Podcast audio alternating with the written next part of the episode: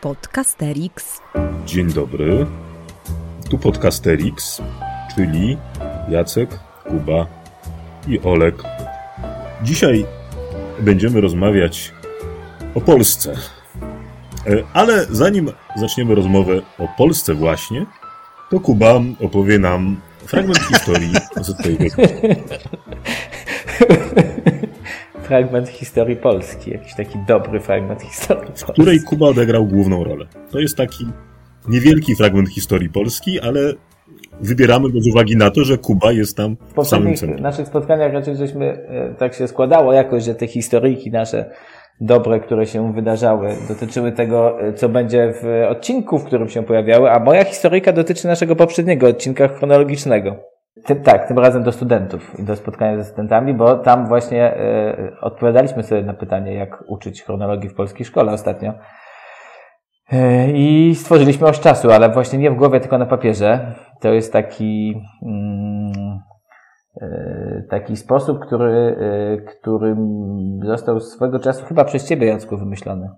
Jak sprawić, żeby było, żeby uczenie o wojnach XVII-wiecznych było przystępniejsze dla ucznia. To znaczy, żeby go nie zasypać masą dat, bitew, wojen i e, traktatów i pokojów. I e, idea tego, tego, mm, tego zadania sprowadza się do tego, że na podstawie atlasów historycznych uczniowie podzieleni na y, kilka grup, na przykład na cztery grupy, wypisują wszystkie bitwy z datami i wszystkie rozejmy z datami i wszystkie wojny z datami, e, które miały miejsce w e, XVIII wieku i dotyczyły wojen Rzeczpospolitej w tymże XVIII, e, XVII wieku i dotyczyły wojen Rzeczpospolitej w tymże XVII wieku i z tego, jako że wojny z każdym przeciwnikiem są na, na kartkach innego koloru, to z tego tworzy się piękna, wielobarwna oś czasu e, na podłodze. No i widać natłok wojen. e, I to jest fajne?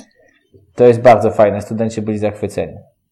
Zresztą wiecie też co, zawsze... bo- A ty, ty to wymyśliłeś, to co pytasz, Ale fajne? wiesz co, tak, ja wiem, że to, bo ja wiem, że to jest Nie. fajne, tylko to, co mnie w tym... yy, Poczekaj, to daj mi jeszcze skończyć, na, na czym polega w ogóle mówienie tej osi czasu, bo tam wtedy No. idealnie widać, że połowa XVIII wieku to jest totalny szczyt tych wojen i że cały czas w tym XVIII wieku, XVII, Boże, co ja z tym XVIII, XVII wieku cały czas były wojny i to jest na każdym możliwym froncie, poza krótkim okresem Srebrnego wieku, który też pięknie wychodzi e, w takim ćwiczeniu. Ja pamiętam i to podkreślę jeszcze raz, że tam bardzo ważną rolę odgrywa Atlas, że tam nie ma, nie używa się podręcznika w ogóle w zasadzie, tylko te wszystkie Teraz teraz no, w ogóle dobre się nie używa, tam jest tylko atlas. Tak, Jest atlas. tak, one, one i, i, Im to jest generalnie bardzo dobre ćwiczenie na mapę, y, również na czytanie mapy i na analizę mapy i tego, jak można się dużo z dobrej mapy historycznej nauczyć, wcale nie czytając tego, y, tego wszystkiego, co tam No, trzeba no, no przeczytać. myśmy to robili jako ćwiczenia chronologiczne, czyli takie, które pokazują uczniom, że jest masa dat, ale nie wszystkie daty muszą zapamiętać, a nawet pewną cnotą jest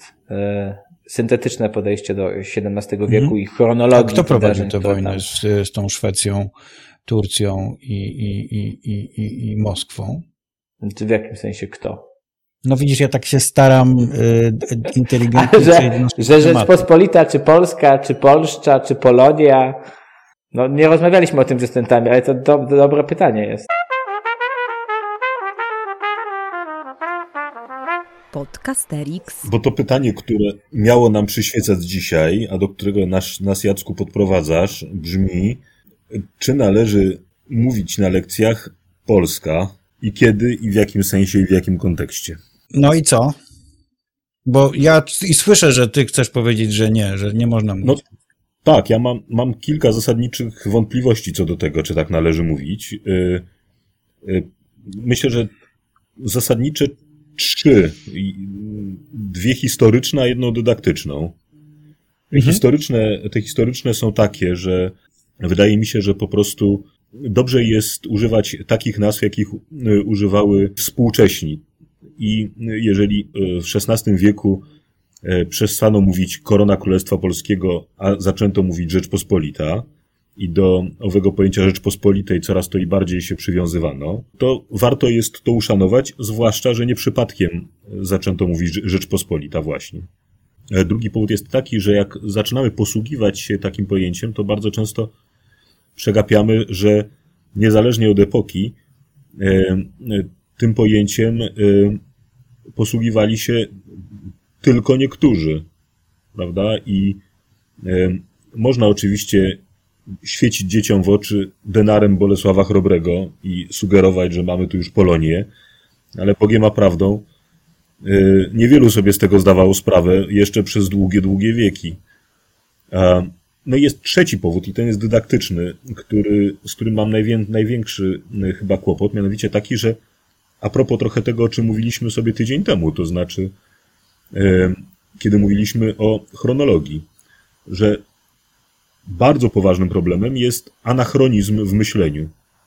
Y, I ten anachronizm pojawia się wtedy, kiedy dzieci biorą całkiem nieświadomie jakąś rzecz z dzisiaj przenoszą ją w przeszłość, ustawiają ją w tym krajobrazie przeszłym i nagle na skutek tego, że tam wstawili sobie coś, co przenieśli nieświadomie z dzisiaj, ten krajobraz zupełnie się zmienia. I wiecie, jak oni przenoszą jakąś drobną rzecz, to ten krajobraz nie zmienia się zasadniczo. Ale jak wezmą takie pojęcie jak Polska i je tam przeniosą, a w tym pojęciu jest po prostu wszystko. Tak? jest idea państwa narodowego, jest państwo unitarne, jest państwo między Bałtykiem e, a Karpatami i tak dalej, i tak dalej, to po prostu ten krajobraz się tak kompletnie zmienia, że nie sposób jest z sensem mówić o jakiejkolwiek historii. Można tylko snuć jakąś mitologiczną i bezsensowną opowieść o tysiącletniej Polsce. No, bo... Dla której po prostu tak, ja, nie ma. Ja, ja, generalnie się z Tobą Olek zgadzam. Mam tylko tu jedną wątpliwość, no bo w sumie jakbyśmy tak, yy, yy, znaczy podchwytuję to, co powiedziałeś, że to nie wszyscy używali tej nazwy Polonia na przykład, tak? No, ale to generalnie jest problem, który mamy do przyszłości. To znaczy, że my patrzymy zawsze oczami tych elit i no tak samo Rzeczpospolita to też nie była nazwa, którą, która była w powszechnym użyciu, tak? No więc e, o tyle tu trzeba było może poszukać jakiegoś jeszcze innego określenia. Co zresztą ostatnio, nie wiem czy widzieliście albo czy czytaliście właściwie Kacper Pobłocki, on nie pisze w tym swoim hamstwie o Rzeczpospolitej, tylko właśnie o Polszcze. Mnie to jakoś niespecjalnie przekonuje, bo i wywód dlaczego tak lepiej. Eee, znaczy ja bym też stosował to nazwę Rzeczpospolita jednak konsekwentnie, bo była to nazwa używana przez elity. Zmierzam do tego, że, e, no, że niekoniecznie to kryterium używalności to jest kryterium, które by mm, zawsze znajdowało zastosowanie. No bo to zawsze był, była nazwa elit. Zawsze, no do XIX wieku powiedzmy, tak, czy tam do, nie wiem, XVIII.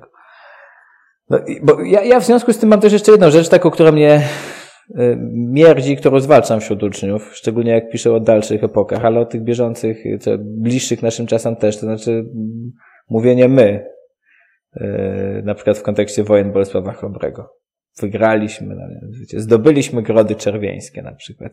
Drogą, wiesz, bo idąc tą drogą, o której mówił Olek, żeby oddawać trochę tę rzeczywistość, no jeżeli mówimy o państwie patrymonialnym, no to mówimy o państwie mieszka, nawet czasami y, y, pozwalam sobie na taki żart, że pewnie gdyby wtedy były jakieś mistrzostwa Europy, to nie byłoby napisane, że to jest drużyna Polski, tylko to jest drużyna Mieszka prawdopodobnie y, by tam występowała, y, no bo tak to właśnie pojmowano, tak, skoro to było państwo patrymonialne, które się potem przeistacza gdzieś tam po rozbiciu dzielnicowym w koronę właśnie. No słuchajcie, a ziemie polskie? Jak się macie do takiego określenia, ziemie polskie? Ja chcę tylko wcześniej powiedzieć, że jak sobie wyobraziłem, jak drużyna Mieszka wbiega na boisko. No Wojowie Mieszka, przecież to silna. Naprawdę. W obronie zwłaszcza. Jakby jeszcze kapitanem był ten, jak on tam się nazywał, e, brat mieszka e, e, pod tą Cedynią, już zapomniałem. Czcibor. On byłby do, Czcibor, on byłby, do, on byłby w napadzie w takim razie. No do, do, a panowie, a jak z tyłu ziemiami polskimi, jak się zapatrujecie? No ja o ziemiach polskich mówię wtedy, kiedy mówimy o rozbiorach. To wtedy no jest to wtedy łatwo. jest łatwo, no bo wtedy nie możemy mówić o państwie, ale na przykład co, że jakbyście o rozbicie dzielnicowe, to co byście powiedzieli? Ale wiesz co, to jest, nie odpowiem ci na to pytanie, ale powiem o czymś innym, do czego mnie... Ale Uciekasz, wymigujesz się, wyślizgujesz nie, się. Nie uciekam, zaraz zobaczysz, że nie uciekam. Chodzi mi o to, że paradoksalnie o ziemiach Mieszka, czy Bolesława Krzywoustego, czy nawet o ziemiach rozbicia dzielnicowego mówić jest mi łatwiej, e, biorąc pod uwagę to, o czym mówił Oleg, że bierzemy to coś, co jest teraz i przenosimy do przeszłości, bo wspominięciem Prus to są mniej więcej te same ziemie. Więc jeszcze o jakimś kołobrzegu, Wrocławiu, e, to możemy sobie myśleć. Natomiast to, co mnie, e, wiesz, czasami już może tego nie ma, ale pamiętam kiedyś było w podręcznikach coś takiego, że no, mówiliśmy o tych wojnach XVII-wiecznych, a gdzieś ten Wrocław, nie daj Boże jeszcze Szczecin, gdzieś tam komuś się wydawało, że to też nasze, y, bo mówił, że to Brandenburgia nam zajęła. Także y, to jest, wiecie, dziwne, że, że to, bo to w końcu wróciliśmy do macierzy dzięki Stalinowi po 1945 roku i to nam ułatwia mówienie, y, łatwiej nam się mówi o Polsce, w cudzysłowie mówiąc, e, właśnie kiedy mówimy o państwie patrymonialnym pierwszych piastów. Zupełny, ogromny problem dla mnie jest wtedy, kiedy mówimy o Rzeczpospolitej obojga narodów. To jest wtedy. No dobra, mnie... ale zobaczcie, bo przecież jak. Ale ziemię Polskie, no gdzie tu masz ziemię Ale nie mieliśmy polskie? królów Rzeczpospolitej. Mieliśmy królów Polski.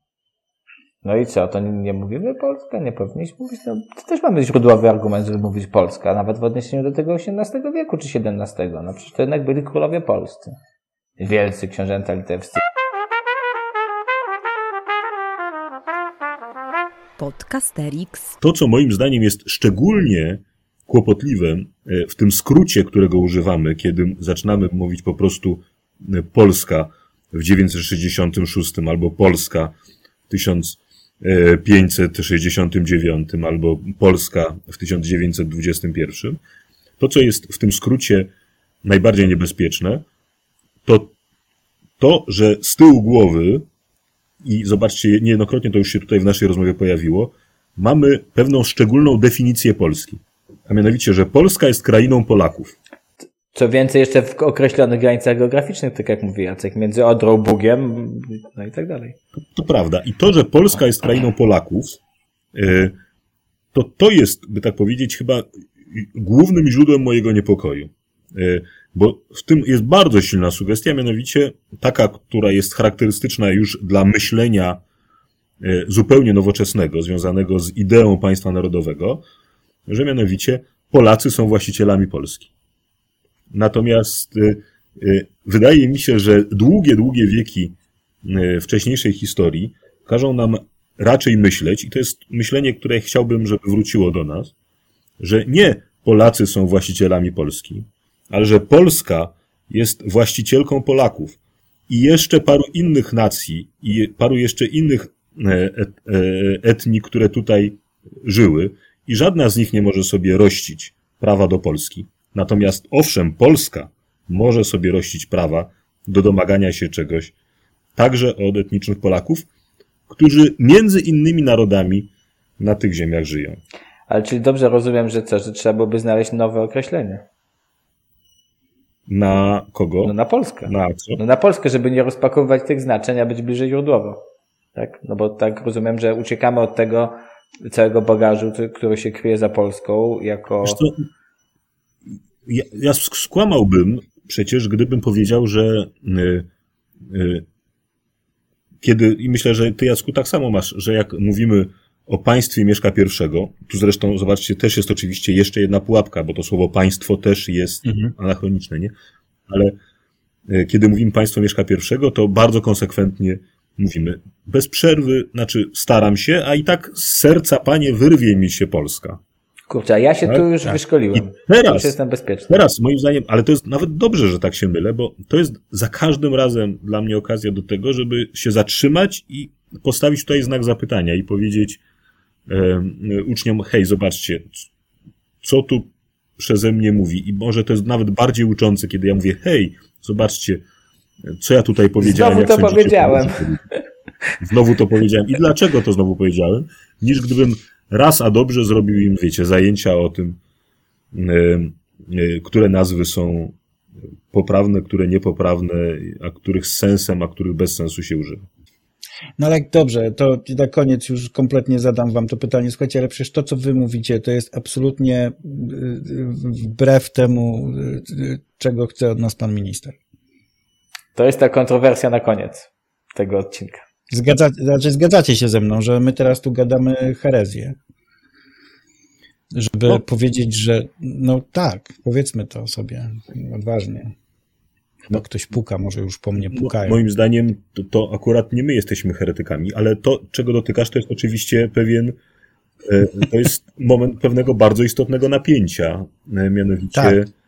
e, tego, w jakim stopniu historia ma być tożsamościowa w szkole, a w jakim stopniu ma być historią, czyli dyscypliną naukową. I no, żeby już zostać przy, przy em, Mieszku, to jedna z, z lekcji, które ja robię, to jest lekcja, w której ja e, e, zderzam, e, zderzam to, co historycy mówią na temat chrztu Polski z tekstem ustawy oraz z przemówieniem posła Piątkowskiego, który uzasadnia tę ustawę, ustawy ustanawiającej święto chrztu Polski. I to jest bardzo dobry przykład. No, szczególnie jeżeli chodzi o datę. tak, tak. Tak, Miejsce. to swoją drogą. Tak.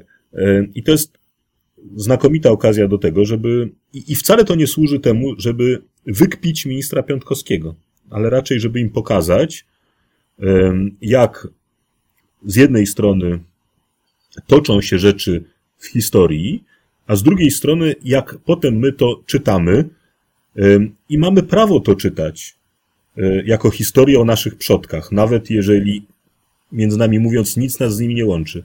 To nie było kontrowersyjne, ale za to ładne, więc tak skończmy, prawda? Yy, Ten czwarty, czwarty już odcinek yy, podcasterixa. To się strasznie trudno mówi. Dziękuję wam bardzo. Mnie szczególnie. To był Podcasterix. Wysłuchali Państwo kolejnego odcinka podcastu trzech nauczycieli historii, którzy lubią sobie pogadać o swojej pracy, bo ją po prostu uwielbiają. Tych trzech jegomości to Kuba z charakterystycznym R, Olek z charakterystycznym głosem i Jacek, który czuwał nad nagraniem i montażem. Podcast przygotowano dzięki wsparciu Szkoły Edukacji Polsko-Amerykańskiej Fundacji Wolności i Uniwersytetu Warszawskiego, w której cała trójka pracuje. Więcej informacji na stronie szkolaedukacji.pl. W czołówce wykorzystano dźwięki na wolnych licencjach, a głosu użyczyłam ja, czyli Adriana Bąkowska. Zapraszamy na kolejny odcinek.